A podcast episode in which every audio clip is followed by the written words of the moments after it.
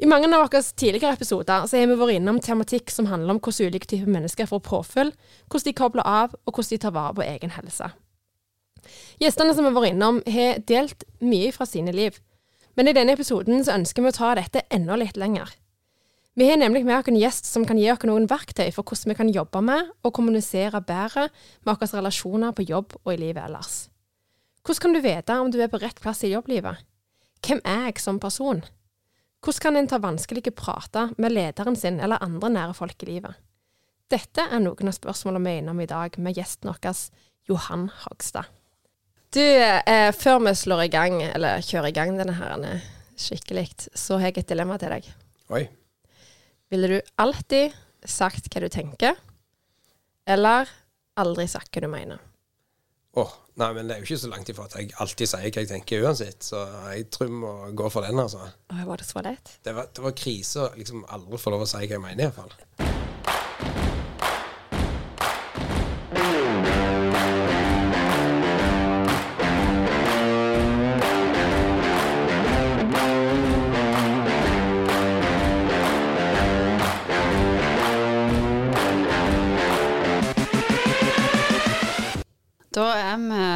I selveste byen. Ja, bøndene i byen. Vi har reist ut til kontorlokalet med Bjerksted og sitter hos Veni og ja, spiste lunsj med, med Fiffen her. Ja. Mm. Hei, vi er her for å snakke med Johan, og vi starter egentlig bare med fem kjappe, så vi blir litt bedre kjent med deg. Ikke det? Ja. Da begynner jeg med første spørsmål. Sushi eller kebab? Nei, da må jeg gå for sushi, tror jeg. Eh, og det er jo liksom det alle ungene mine òg velger når, jeg- når de har bursdag. Så dessverre det er jo det forferdelig dyrt for meg, som jeg må betale for dette. Men eh, det er jo, det er jo i hvert fall veldig godt og veldig sunt. Vinter eller sommer? Åh, det er vanskelig. Når, når jeg nettopp har hatt en fantastisk vinterferie på fjellet i Rauland. Men eh, jeg er sikkert mer sommermenneske, altså. Ned med vinduene i bilen. Og. Inn i håret. Styrke eller løping? Ja, må jeg velge en av de? Ja. Jeg jo, jeg, altså Springing det gjør jeg jo aldri. Jeg klarer liksom ikke Jeg vokste opp med en far som sier sånn hvis han ser noen som springer, at uff, nå må de ikke slite seg ut. Men eh, nei, styrke, hvis det skulle være en av delene. Hva gjør du for å ta vare på helsa di, da? Hva jeg gjør for å ta vare på helsa mi? Ja, jeg er jo innsett at jeg må gjøre noe. For at jeg har gitt mange år uten å gjøre noen ting for å ta vare på helsa. Men nei, jeg prøver også å legge meg eh, klokka elleve på kvelden og stå opp halv sju cirka. Ja, det er bra. begynner jeg dagen på en god måte, helt alene. Og så pleier jeg um, av og til prøve å få meg litt uh, fysisk aktivitet. Sånn at jeg gjerne går til arbeid fire-fem kilometer, eller i år, i år kveld var jeg med på noe fotball. Det var ganske kjekt. Uh, jeg er helt støl i dag. og så har jeg prøvd å eh, så jeg kunne egentlig blitt kalt Johan Brune Dunk Haugstad. For at jeg, jeg er liksom den som bare alltid er til det som de andre ikke er til Men eh, så etter mange år og har bare vært helt eh, stappmette, så har jeg liksom begynt å prøve å spise så mye jeg trenger Det. Og det er jo fantastisk å ikke gå rundt og være oppblåst hele veien. Selv om vi sier i starten her at vi tok turen til Stavanger, så hører jeg jo på dialekt at du er fra Vigrest. Men eh, jobber da i Stavanger, så da må lurer vi på bygd eller by, nord eller sør for Skjævelandsbrua. Åh, ja, det er, jo, det er jo noe helt spesielt når du liksom kommer sør for Skjævelandsbrua, og så kjenner du den gode lukta. Og så hvis det er litt seint på kvelden, så tenker du på fjernlyset, og så tenker du Nei, de har jeg ikke brukt på lenge. og så er det noe vanvittig fint med det, og det er mye folk jeg er glad i der. Men jeg liker meg veldig godt i byen, altså. Så da velger du by, altså. Ja, kanskje. Du bor jo her, så du, du må jo si det. Ja. Nei, men uh, i dag uh, så har vi jo uh, spesielt fokus på en ting som du er ekspert på. Og det er jo relasjoner. Å ja. Som vi har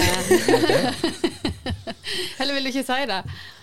Nei, altså, om jeg er ekspert på relasjoner, da må du sikkert spørre kona mi. Det er ikke sikkert hun er enig, men men, eh, Du er ganske god på folk, da. Med, eller med folk. Og klarer å lese folk. Hvis vi på en måte går litt inn på Ok, vi vet jo på en måte nå om du, du velger sushi for en kebab, liksom. Men eh, hvem er du egentlig? Ja, Johan egentlig fra Vigrest. Og så har han begynt å nærme seg dramatisk eh, 40. Og så er han oppvoksen på Vigrest, ja. men har liksom eh, jeg tok, jeg tok en eh, utdannelse i, i sosiologi med personalledelse. Og så begynte jeg mens jeg gjorde det, så begynte jeg å arbeide litt på en skole. Så da har jeg liksom vært lærer. Men det er ikke lærer jeg egentlig er mest. Så jeg er- liksom jeg kjempa litt med at det var noe jeg hadde lyst til å gjøre, som handla om å utvikle andre folk. Og utvikle ledere og team. Så derfor starta jeg eh, for um, halvannet år siden cirka, noe som heter Teamverkstedet. Det, det har vært enormt spennende å få være en betrodd eh, sparringspartner med ledere og team. Så hjelper de med kommunikasjon, samarbeid og alt sånn. Men så, så har jeg fått lov å I plass for å jobbe alene og være den som eh, alt henger på, så, så har jeg fått lov å jobbe i Veni med Giant og lederutvikling, teamutvikling sammen med team. Så det er helt magisk. Veldig, veldig kjekt å få lov å jobbe med det. Så du gikk ifra å drive for deg sjøl, og så har du kommet inn i et team nå. Det stemmer. Det er jo litt det vi skal snakke om i dag òg. Det med å ikke gå med inn i team, da, men eh, det å være rundt folk. Ja. Hele dagene. Og altså, i jobbsammenheng Vi har jo snakket om lykke tidligere, men eh, hva ligger i lykke? Og relasjoner er jo en ting som, eh, som er enig i er en veldig viktig del. Og det møter du i arbeidsdagen. Mm. Eh, Hva, hva type folk er det dere møter mest av? Du, vi møter all slags folk. Eh, vi møter de som er bare en eh, vanlig arbeider, eh, ansatt i en eller annen enten stor organisasjon, eller som jobber for seg sjøl, eller jobber med i en mellomstor. Men så arbeider vi òg mye med, med folk som er ledere. Enten toppledere eller teamledere. Hva er de største forskjellene på deg? En toppleder og en vanlig medarbeider, hvis vi sier det. da. Ja, det er eh, Lederne snakker ofte mye mer. så tror jeg, det var, jeg tror det var Google som gjorde en sånn eh, eh, ganske omfattende undersøkelse i alle teamer i, i, i Google, og det er ganske mange, det. Og, og så fant de ut at de mest best fungerende teamene, der snakker lederen ca. like mye som alle de andre. Og der tårer alle å si hva de mener, hvis de blir bedt om det. Og det er en ganske interessant observasjon, syns jeg, da. Hvis vi går inn i dette med å Du, du sier du går inn i bedrifter. Og du skal gå inn og veilede i bedrift, så møter du jo mennesker, da. sant? Og da handler det ikke bare om at eh, hva er det måte de skal gjøre på jobb, men det, dere ser jo på hele livet. Hvordan går du fram? Hvor starter du når du skal ta og veilede en person til å bli Eller du kan jo si på en måte visjonen til Veni, for den er veldig bra. Ja. Visjonen til Veni handler om å, å revolusjonere bygg og eiendom, egentlig. Ja, ok, det var ikke det. Så, så, men vårt team i Veni, for overalt hvor det er bygg og eiendom, og overalt hvor det er liksom teknologi, så er det òg folk. Og målet vårt i Team Giant, som vi kalles her på bygget, er å frigjøre potensial i folk, sånn at de kan skape resultat som de er stolte av. Eh, og det er jo alltid potensial. For til og med i de beste teamene så er det potensial for å kunne jobbe enda bedre. Så, så det jobber vi med. Hva var det du spurte om? Nei, det jeg egentlig spurte om, det var jo egentlig det jeg ville ha den. Og så, når du da skal begynne å jobbe med folk til å frigjøre potensialet, så skal du begynne å se på livet til enkeltpersoner. Hvor starter du hen da? Ja, for som du sa, så er det jo noen som tenker at ja, men på jobb så er jeg sånn, mens eh, hjemme er jeg sånn. Og det er helt riktig, vi har ulike typer roller. Men samtidig så er det kanskje en liten løgn som vi forteller oss sjøl, hvis vi tror at vi på en måte er én person på jobb og så en helt annen hjemme. For vi, det er jo den samme personen som bare har forskjellige roller. Så vi pleier å begynne gjerne med en eh, kartlegging av personlighet. Der det fins fullt av forskjellige verktøy. Og mange har sikkert vært ganske mye useriøst òg opp gjennom tidene, som blir blitt tilbudt av eh, verktøy for å kartlegge personlighet. Og veldig mange forsøk på det. Et av de mest brukte kalles for Myers-Briggs. Men det òg fungerer sånn at liksom, du må ha du må nesten ha en ekspert i rommet hvis, ikke du skal, eller hvis du skal kunne bruke det. Derfor så er det noen som har har utvikla et verktøy som kalles for Five Voices. Så vi begynner gjerne med kartlegging ved bruk av Five Voices. Hva, hva vil innebære det når du sier five voices? Hva vil det si? Hva for noen five voice? Five Voices, ja. Altså fem ulike typer lederstemmer, da. sant? Eh, som det, Der noen har veldig høyt stemmevolum. Du hører de godt overalt. Og noen er sånn at du må lytte godt for å klare å høre de. De har ulike ting som de verdsetter og er opptatt av. Så jeg kan gå kjapt gjennom de. Du har liksom eh, supporteren, som vi kaller den på norsk, som er mester av, av mennesker, relasjoner og harmoni, og bare så god til å ta vare på andre folk. Og så har du den kreative. Den er jo ganske låg stemme, som ikke alle klarer å høre. Men det er fordi at de tenker så utenfor boksen. De er veldig framtidsretta. Eh, sånn at de, og mange ganger introverte mennesker som det er vanskelig å høre hva de egentlig sier, for at de kommer gjerne på problemstillinger fra et helt annet perspektiv enn det de fleste andre. Og så er du vokteren, som er opptatt av å vokte alt som fungerer godt. De er veldig nåtidsorientert, og, og du vil høre dem i møterommet, f.eks. Det er ofte de som stiller de vanskelige spørsmålene for å sjekke at liksom, dette er godt nok tenkt gjennom. Og de liker godt visjoner, men de vil ikke committe både tid og penger og folka sine til, til visjoner som ikke liksom er godt nok gjennomtenkt. Og så er du kobleren, som kobler sammen mennesker og ideer, og, og, ideer med andre ideer av og til, men mest av alt koble sammen mennesker. Så det er mestere av relasjonelle nettverk. og Hvis de ikke kjenner noen som kan fikse, fikse det problemet du har, så kjenner de iallfall noen som kjenner noen som kan fikse det problemet du har. Og til slutt er det pioneren en ganske liten del av befolkningen. Men de er mestere av strategiske visjoner og liksom starte nye ting. Og opprette ting og, starte og, og fullføre prosjekt. Eh, og de er ofte villige til drive teamet sitt og pushe teamet sitt lenger enn de fleste andre ville gjort. Så derfor må de liksom passe på at de ikke kjører over folk av det. Så det var liksom de fem lederstemmene, kort oppsummert. Veldig spennende. Så da begynner dere egentlig med å kartlegge hvem, hva stemme har du? Ja, og hva stemmerekkefølge, egentlig. For at alle sin personlighet er jo satt sammen av mange forskjellige stemmer. Ja, Så en pioner kan se veldig forskjellig ut? Ja, det er ikke bare én type pioner, og ikke mm. bare én type kobler eller, eller, supporter, eller hva det måtte være. Mm, mange forskjellige. Hvorfor noen av disse mennesketypene møter dere mest av? Det er jo sånn at um, ganske stor del av befolkningen har supporteren som sin første stemme. Og på andreplass der er det, er det vokteren som, har, som, er flest folk som er representert med den. Og Det betyr at vi møter nok kanskje veldig mange av dem, men så er det også sånn at i lederstillinger så er jo både pioneren og, og kobleren ofte overrepresentert i forhold til resten av befolkningen. Så de møter vi en del av. Det er jo ganske interessant, men det, det gjør jo mening at det er kanskje mer For de er sikkert veldig drevne i yes. seg sjøl, og litt sånn som du sier, de pusher andre folk til å måte hive seg med på sine ideer mm. og sånn, og da er det naturlig at du kanskje klatrer opp mm. i en lederrolle, da. Ja, pionerer og koblere som er sånne med veldig høy stemme, så du på en måte Ikke fordi at de roper, men det er fordi at du vet som regel hva de mener og hva de sier. At du De har en sånn stemme som folk bare hører. Hva tenker du er største utfordringen i arbeidsmiljøet i forhold til disse sammensetningene, da? Hva for noen eh, mennesketyper er mest utfordrende å ha i samme team eller rom eller kollegiale? Ja, Godt spørsmål.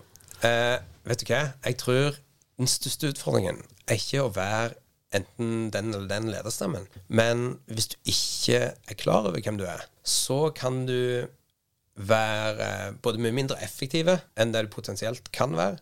Så kan du òg påføre alle de andre ganske mye frustrasjon, eh, egentlig. Og det er jeg sikker på at lytterne i, på Jabnå-podkasten òg eh, sikkert kjenner en del til. At, eh, at det fort kan være frustrasjon rundt å jobbe med noen som har noen tendenser som de ikke er helt klar over, da, kanskje.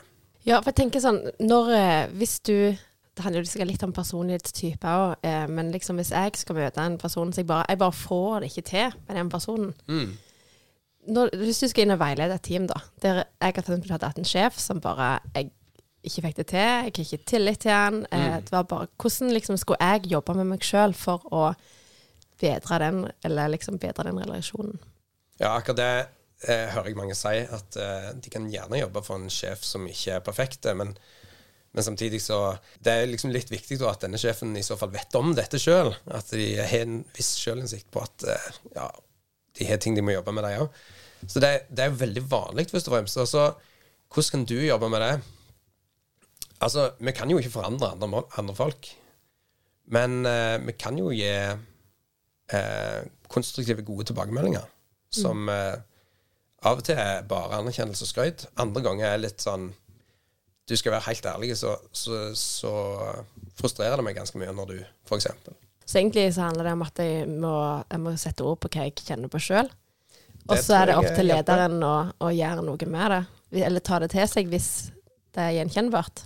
Det tror jeg hjelper. Det som, det som jeg eh, mange ganger prøver å si, er at når du oppfører deg på denne måten, eller når du gjør akkurat det, den tendensen som du har der, hvis de blir klar over den sjøl, så er det spesielt nyttig. Den er med å undergrave din innflytelse. Og hvis lederen din har en grei kommunikasjon med deg, og forstår det at det som jeg gjør nå, det er faktisk ikke med å bare frustrere Anne Helen, men det er med å undergrave min egen innflytelse, så er det plutselig en ting som jeg har lyst til å gjøre noe med.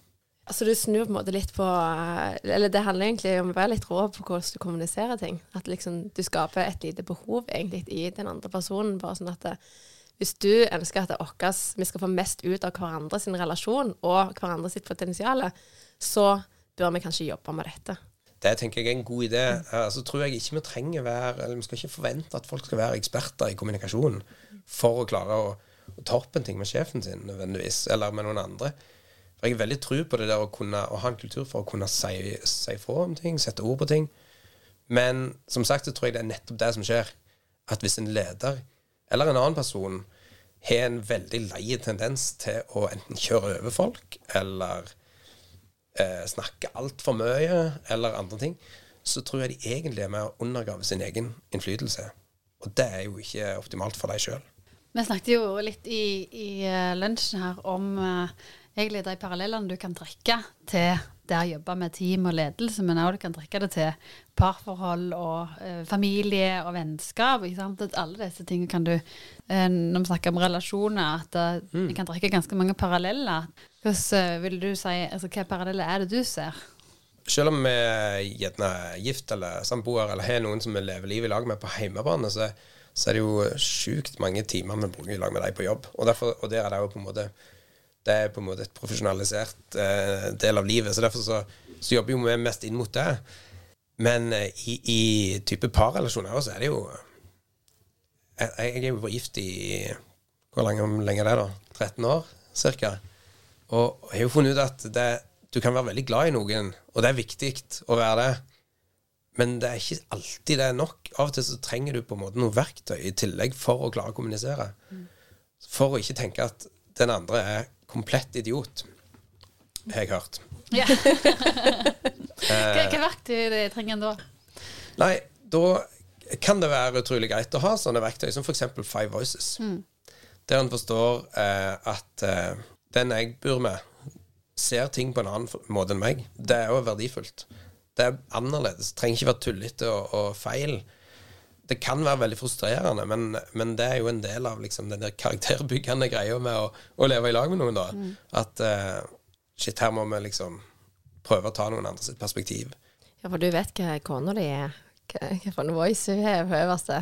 Det, vet du hva, det, det er interessant å spørre om det. Jeg har nok tenkt i mange år at hun var, var mest av en type ting, og så har jeg nok erfart at det var noen ting som ikke stemte helt. Og så, så fant jeg ut at nei, ja, men Og så tror jeg hun òg selvsagt fant ut For jeg, jeg prøver ikke å putte andre folk i boks. Jeg stilte hun en del spørsmål, og så har hun funnet ut at ja, det kan være at hun har mer av den uh, ene stemmen. Så skal jeg ikke utlevere hun, men, men uh, det var faktisk litt greit å få på plass. Det var ikke Ja. det at hun plutselig ble en annen person over natta, eller noe sånt. Det var bare at jeg, jeg uh, Vi gjorde noen justeringer i lag der som ga mer mening, kanskje. Ja, jeg tenker jo at det er eh, For mange år siden så tok jo jeg med Jasper Rikstad på faktisk du som hadde kurset. Eh, og eh, det gjorde også mannen min. Og det var ganske nyttig, fordi vi fikk ei bok der det egentlig sto om team. Eh, liksom, hva utfordringer kan disse personlighetstypene ha? Men det var veldig nyttig å ta overføre det til et ekteskap, for det, det var veldig sånn Oi. Det var veldig, det passet så i beskrivelsene veldig mye, så det er mye som ikke passet òg. Men eh, det var veldig mye som var sånn Ja, og så hvordan kan dere møte de utfordringene? Så jeg tror jo det er kjempenyttig å vite det, ikke bare tenke jobb, men faktisk de relasjonene som du kanskje For på jobb klarer du kanskje å ta deg litt mer i sammen òg. Selv om jeg hadde syntes at min sjef var en løk, så hadde jeg kanskje ikke gått og sagt det til han. Liksom. Mens hjemme så kan du liksom miste det litt, og så kan du si noe dumt, og så kanskje enda viktigere faktisk å være litt sånn bevisst på hva, hva, ja, hva kan være utfordringene våre pga. vår personlighetstype. Ja, veldig bra, Anne Lene. Det tror jeg eh, ikke du er alene om å ha erfart at det kan være nyttig på hjemmebane. Og eh, jeg har møtt folk som sier at eh, eh, Myers-Briggs eller lignende har redda ekteskapet mitt. Altså du har på en måte valgt å fordype deg bitte litt i hvordan det er med at mennesker er forskjellige kan se ut. Og så eh, Jeg tror det, jeg tror det ligger mye liksom eh, med godhet, omsorg og kjærlighet i det å faktisk velge å sette seg inn i hvordan andre fungerer. Da.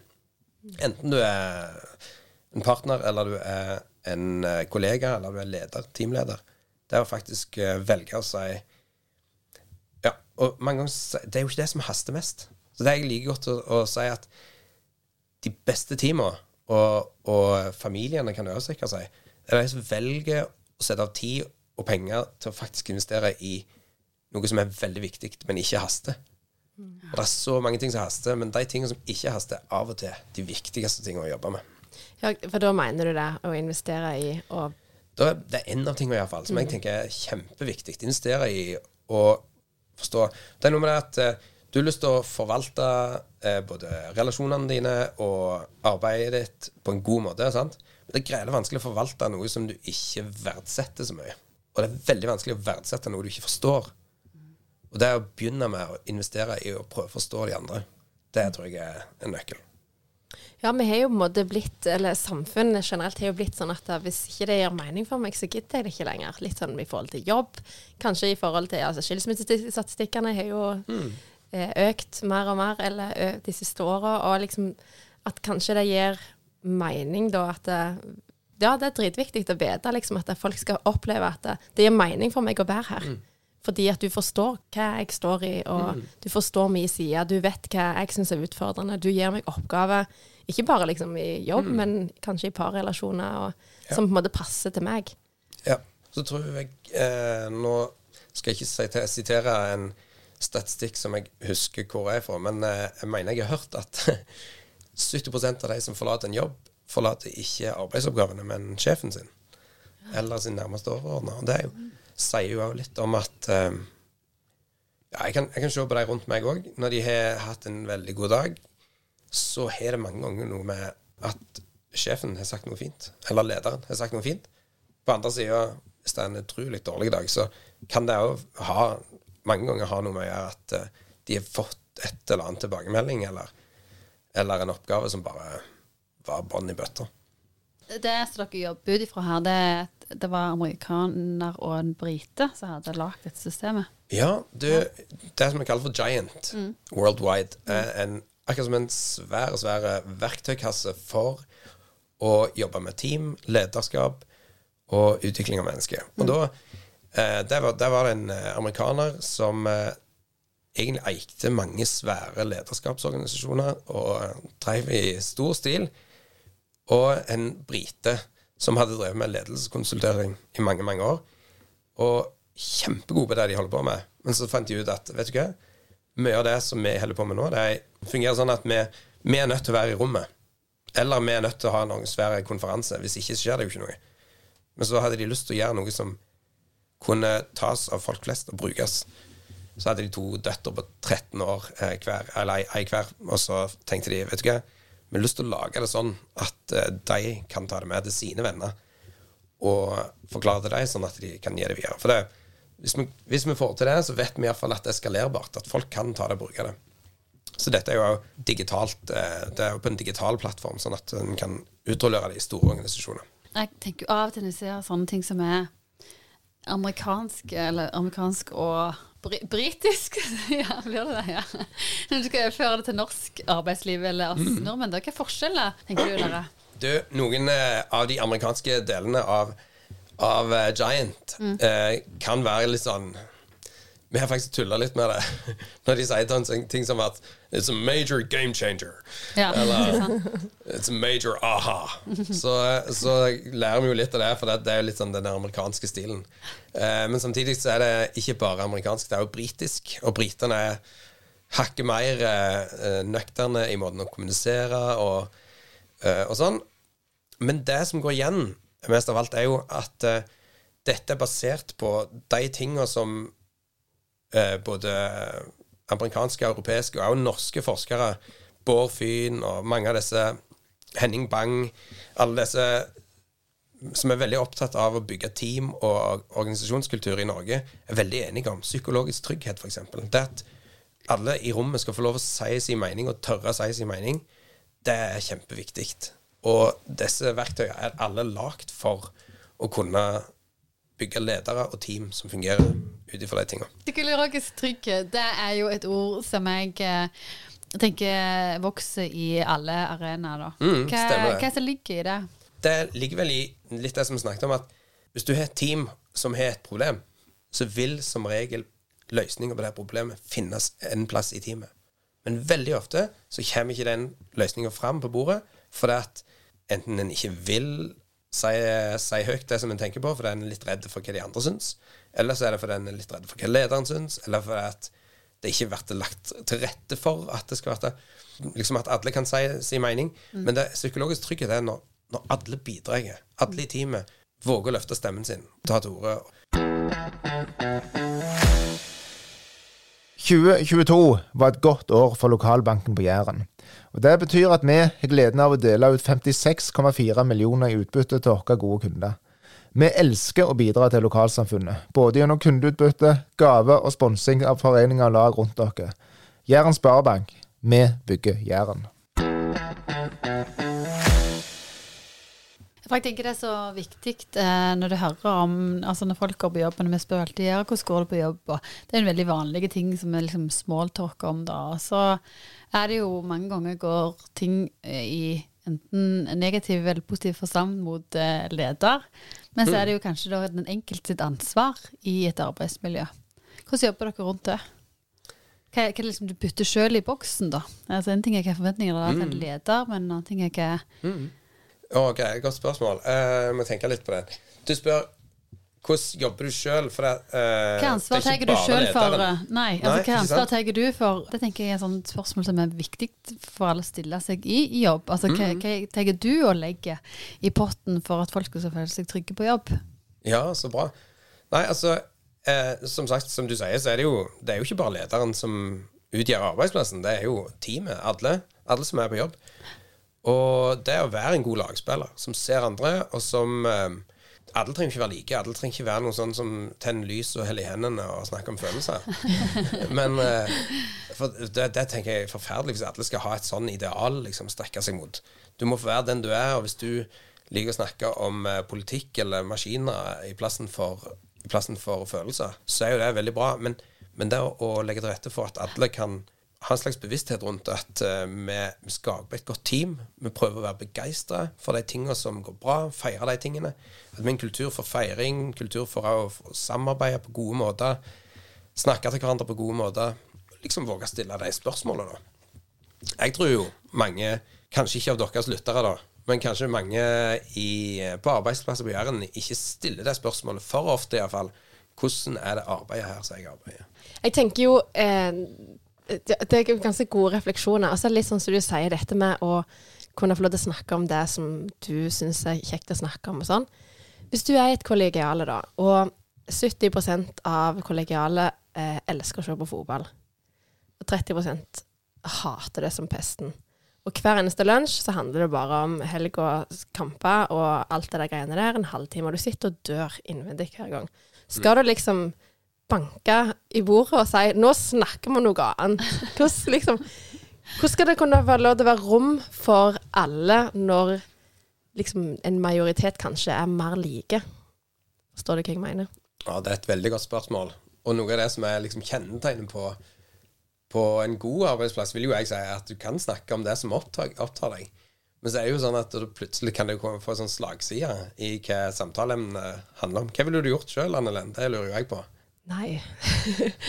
Nei, jeg hadde sagt at det Nå vil jeg snakke! Nei, men, men det er litt interessant, for det handler jo litt om hva type folk en er. Og eh, vi snakket om det i ei helg også var jeg med noen venninner.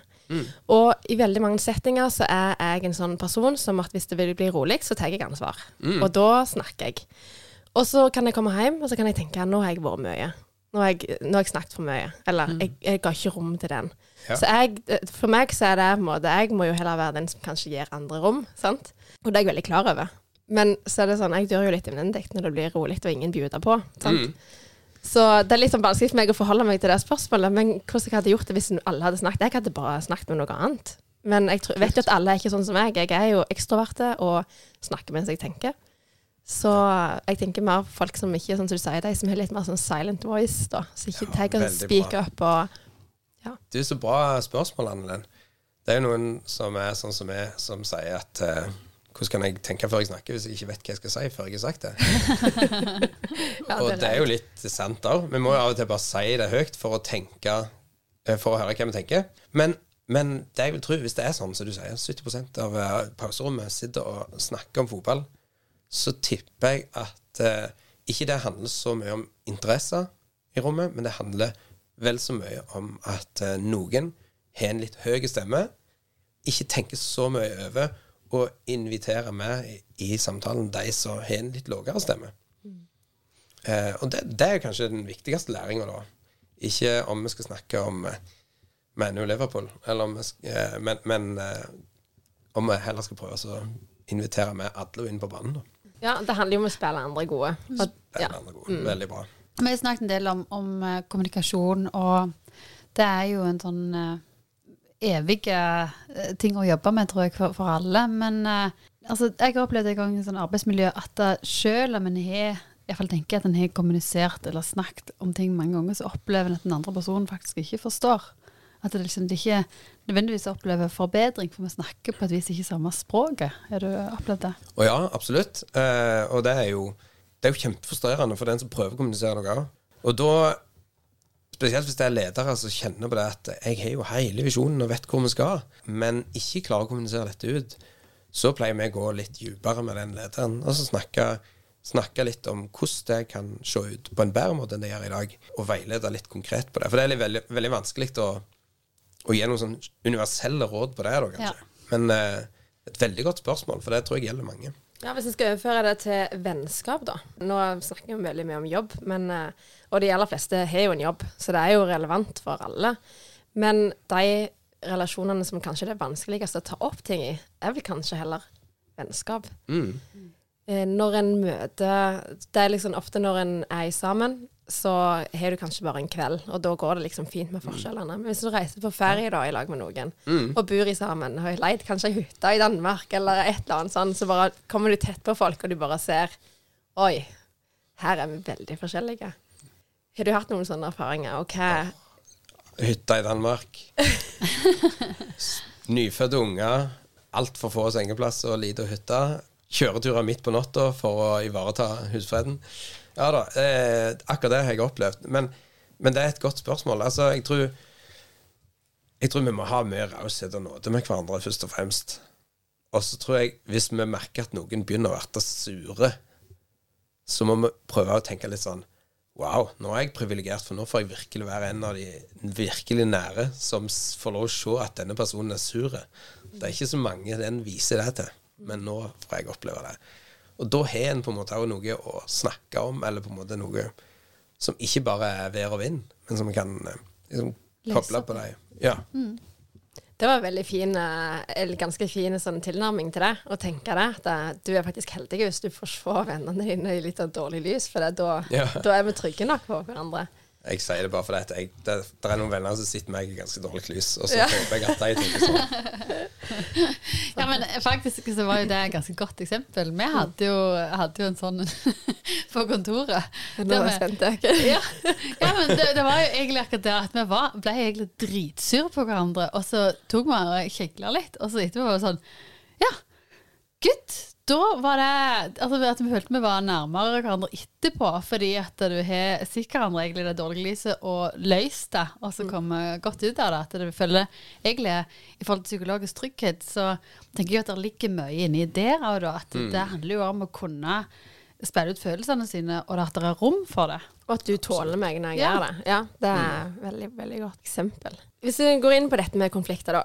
Tid og hvorfor oppstår som regel konflikter? Vet at det er veldig komplisert, men eh, Ja, eh, hvis jeg hadde kunnet svare det på sånn 20 sekunder det, svaret svare det, eller det spørsmålet der, så tror jeg at eh, det Dere hadde hatt en lytterskare som var ca. 4,5 millioner, eller noe sånt. Fordi at eh, Det tror jeg er et veldig stort spørsmål. Men jeg, jeg tror vi har vært litt inne på det allerede. At hvis en eh, gjør noe, og gjør en veldig, veldig god jobb på noen områder, og har blitt skikkelig dyktig på noe, så betyr ikke det nødvendigvis alltid at en har blitt veldig dyktig på samarbeid. Og det med å, å, å være en god eh, kollega. Alltid. Og det, det kan jo av og til så, Som vi snakket om liksom litt det der med å, å klare å ha en viss porsjon med sjølinnsikt. Eller kanskje ha det å være så heldig at du har en leder som er investert i at dere kan få gjøre ting som eh, bygger teamet, og gir litt sjølinnsikt. Jeg vet jo, nå, nå jobber jo du med dette, og selvfølgelig så er det jo liksom det er dette du selger inn til folk òg. Men hvis, hvis noen liksom investerer i dette, uh, de investerer i å finne ut hvem er du som person, hvor er dine svake sider, hvor er dine sterke sider, og så lærer du å spille på de sterke sidene, og hjelpe folk til å ikke være for mye i de svake sidene sine. Hva, hva tenker du at det der gir av verdi? Ja, Veldig godt spørsmål, Annelene. Jeg tror at, eh, som du sier, vi begynner alltid med de sterke sidene. For det er utrolig viktig. Det er så sykt mye gull rundt forbi eh, i folk som de gjerne ikke er klar over sjøl. Altså, mye av det som er aller best på, er jo sånn ubevisst kompetanse. Som det er bare herlig når noen setter ord på det, og så, og så minner dere på at ja, du er jo en enorm kommunikator, Annelen. Hadde du glemt det? Du kobler sammen mennesker og, og eh, på en sånn måte som gjør at de at du skaper et enormt bra relasjonelt nettverk, f.eks. Men så er det jo sånn at vi må gjøre mye av det som vi ikke er så gode på òg. Og, og, og det tror jeg er veldig lurt å ha en slags bevissthet rundt. Da, at eh, de tingene som vi er naturlig gode på, eh, som er, er høyrehåndsarbeid, som er ubevisst kompetanse for oss, som ikke er tillært, men bare sånn helt naturlige styrker, de tror jeg det er viktig at vi liksom kanskje bruker me prøver fall, bruker mest av tida vår og energien vår med, med de tinga, med høyrehånda.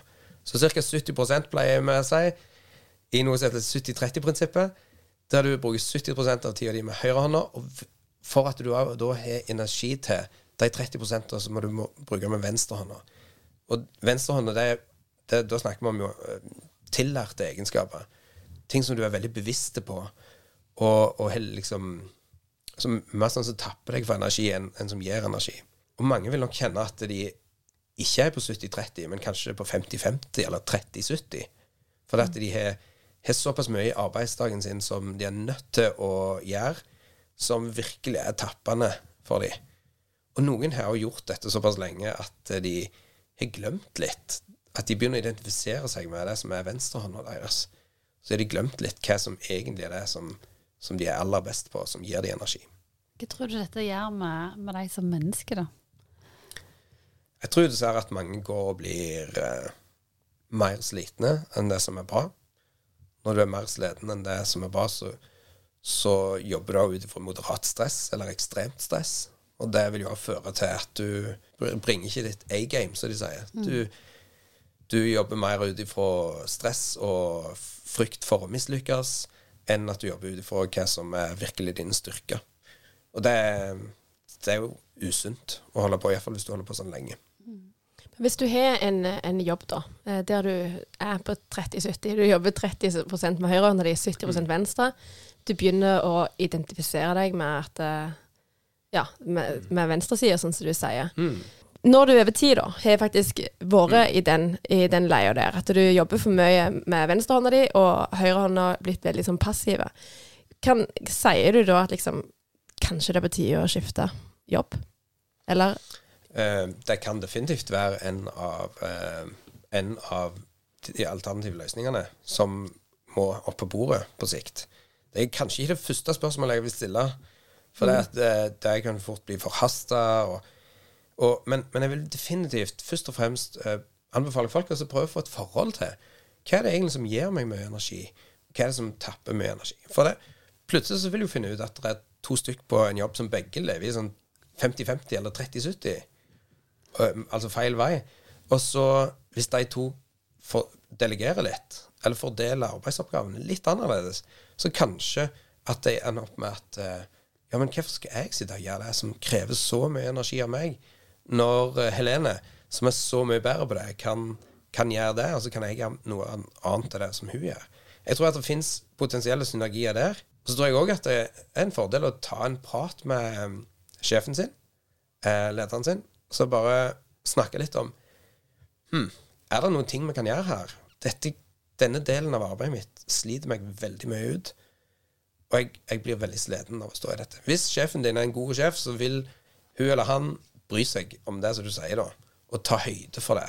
For det er ingen som har lyst på sykemeldinger. Det er ingen som har lyst på demotiverte ansatte og veldig slitne ansatte på sikt. Og så vet vi jo arbeid er arbeid. Vi trenger alle å, å gjøre noen ting som er kjedelige av og til. Vi trenger alle Og derfor jeg også sier at det skal ikke være sånn det er 90-10 eller 100-0. For vi trenger alle å på en måte jobbe med oss sjøl og gjøre de tingene som krever mer av oss. Og så er det jo noen ting har, nå, Faren min er jo baker, det vet jo du. eh, og han eh, er alltid lei bare sånn Blir du ikke lei, liksom? Han stilte spørsmålet. spørsmål, og han bare husker han sa alltid det. Du blir lei av alt. Blir jo alt til slutt. Så det er noen ting må du liksom bare ta på rutinen av. Sant? Du kan ikke alt, alt kan jo ikke gi mening. Alt kan ikke liksom å være dette go to, men det må jo være mest av det, da. Det er jo det du egentlig sier. Det må være en overtall av det som gir deg mening. Ja, altså I perioder kan det være at du vil kjenne at eh, vet hva, nå, akkurat i denne perioden så er det ikke jobben som gir meg mest. Nå vet jeg at vi er i en sein oppbyggingsfase av, eller en endringsprosess som tapper mer energi av meg enn det gir. Eh, men, men ha en slags et forhold til, vil jeg si, da. Prøv på det iallfall å ha et forhold til hva totalt sett. For du har jo ei fritid òg. Hva er det som gir deg energi?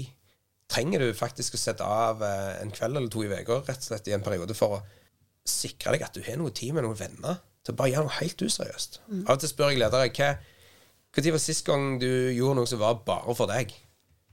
Ja, så kommer de gjerne med ting som var veldig kjekt for eh, jobben sin, eller et flott et salg de har gjort på jobben, eller, eller ting som de har gjort for familien sin. Sånn. Men ja, men, men med bare deg, da.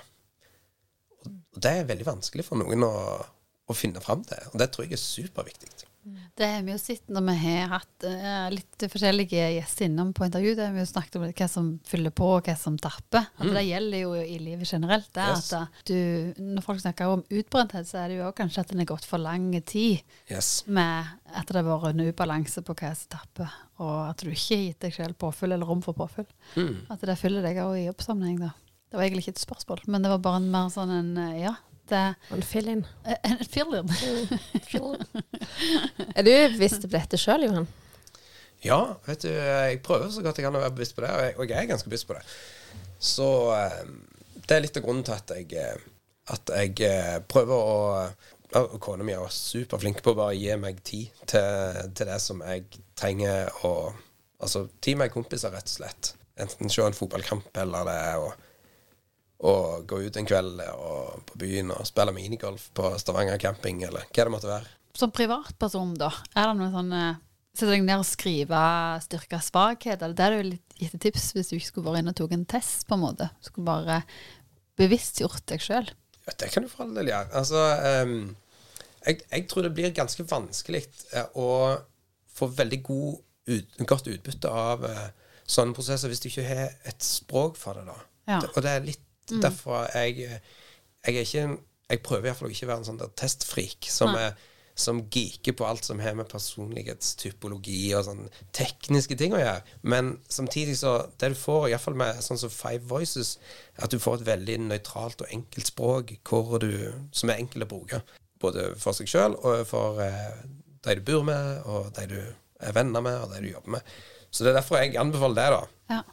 Hvis jeg, hvis jeg har lyst til å ta det, da For det fins gratisversjoner, det fins ikke betalte versjoner, eller? Ja, definitivt. Det fins eh, noen gratisversjoner på nett. Eh, da er du liksom ikke helt sikker på hva, hva du ender opp med av resultat. Eller så går det an å gjøre en gratisversjon av eh, Giant Worldwide sin Five Voices-test. Men der kan du òg betale en bitte liten slant ekstra for å få en sånn pro-rapport. Og det, det du får da av en sånn eh, personlighetstype eh, rapport, er noe av det mest eh, avanserte og, og beste som finnes på markedet, etter min mening. da. Hvor du kan få Siden si det er kompatibelt med Myers-Briggs, så får du de bitene der, men du får òg det pakket inn i et språk som er Five Voices, som er som er mye enklere å forstå. da. Vi har ikke mye bra perspektiv, og jeg tenker det vi egentlig starta med, var jo liksom ok, relasjoner i livet, kommunikasjon og sånn, men så er det jo til syvende og sist handler det jo om på en måte det å kjenne på at du har det godt med deg sjøl. Mm. Bevisstgjøring av Ja. styrker og svakheter og i relasjon til andre. Mm. Og så sa du noe om eh, det med folk som ikke er introverte. Enten det er i pauserommet eller en annen plass. Det som er, jeg bare vil en sånn liten kommentar. Så bare slå et lite slag for de introverte. Som Hvem er de? Jo, det er de som ikke viser sine sterkeste sider med en gang. Det er de du må bli litt mer kjent med før de viser sine aller sterkeste sider. Det som er greia interessant med dem, syns jeg, da, er jo at eh, de er helt komfortable med at det er helt stilt i rommet. Ganske lenge. Iallfall ganske mye lenger enn oss ekstroverte kjenner at det er komfortabelt. Så når vi begynner å fylle ut deres setninger, og fullføre deres setninger, eller ta ordet fordi det er helt stilt i rommet, da sitter de og tenker Å ja. Ja ja. Det, er greit at du sier det, men jeg hadde det egentlig helt greit. jeg trengte bare å få liksom litt tid til å ta den setningen. Så det er jo bare kjempeløye. Jeg har snakket med noen som Da er jo dilemmaet liksom, skal den ekstroverte ha det ubehagelig, eller den introverte? Ja. Nydelig. Ja, kanskje det er et sånt dilemma. Ja, det er et dilemma til slutt. Hei, fine. Hvis du vant eh, 50 millioner, hva ville du brukt dem på? Å, da ville jeg eh, reise på cruise i Karibien. Nei da. Ja, og så ville jeg hatt meg Tesla, modell S Plaid. Eh, du er sånn Tesla-mann. Ja, jeg, å, ja, jeg liker veldig godt den jeg fall, men, men den er veldig gammel. Nei, vet du hva, jeg tror nok jeg hadde satt av mye til, til noen som kunne forvalte det lurt, og så hadde jeg gitt en god del til noen ting som Folk som vil veldig mange bra ting, men ikke har så mye penger til å gjøre det. Så får vi se. Men det, det er et tidsspørsmål før det blir det. 50 millioner. Altså. Ja. Hvis, du, eh, hvis du hadde kunnet outsource én oppgave resten av livet, hvilken oppgave ville du outsource? Å massere kona mi. Ok, Det kan du outsource, da. Ja, kan jeg det? Ja. Ja, Det er jo bare sikkert kjøpe massasje til henne. ja. Ja. ja det, det er Leie inn en person som kommer, altså. Ja. Eh, favorittfilm? Favorittfilm? Oi, oi, oi. En som jeg så som jeg likte ganske godt, så hadde både både action og eh, litt sånn eh, thriller-mysterie og litt, eh, litt sånn eh, verdi i seg òg. Og nå Dette er litt sånn patetisk, men The Accountant, den syns jeg var ganske god. Å ja. Ben Affleck. Å ja. Åh, den liker jeg. Men uh, det må jeg notere. Det er jo fordi han er så fin. Å ja, det er derfor. De andre har fått et år, men du får to uker igjen å leve. Hva, hva ville du valgt? Jeg ville iallfall valgt ei i juni og ei i august, for jeg liker sommeren best. Tusen takk, Johan. Takk for at dere kom til Inoasis på besøk. Det var utrolig kjekt. Ja, vi òg syns det var skamnice her.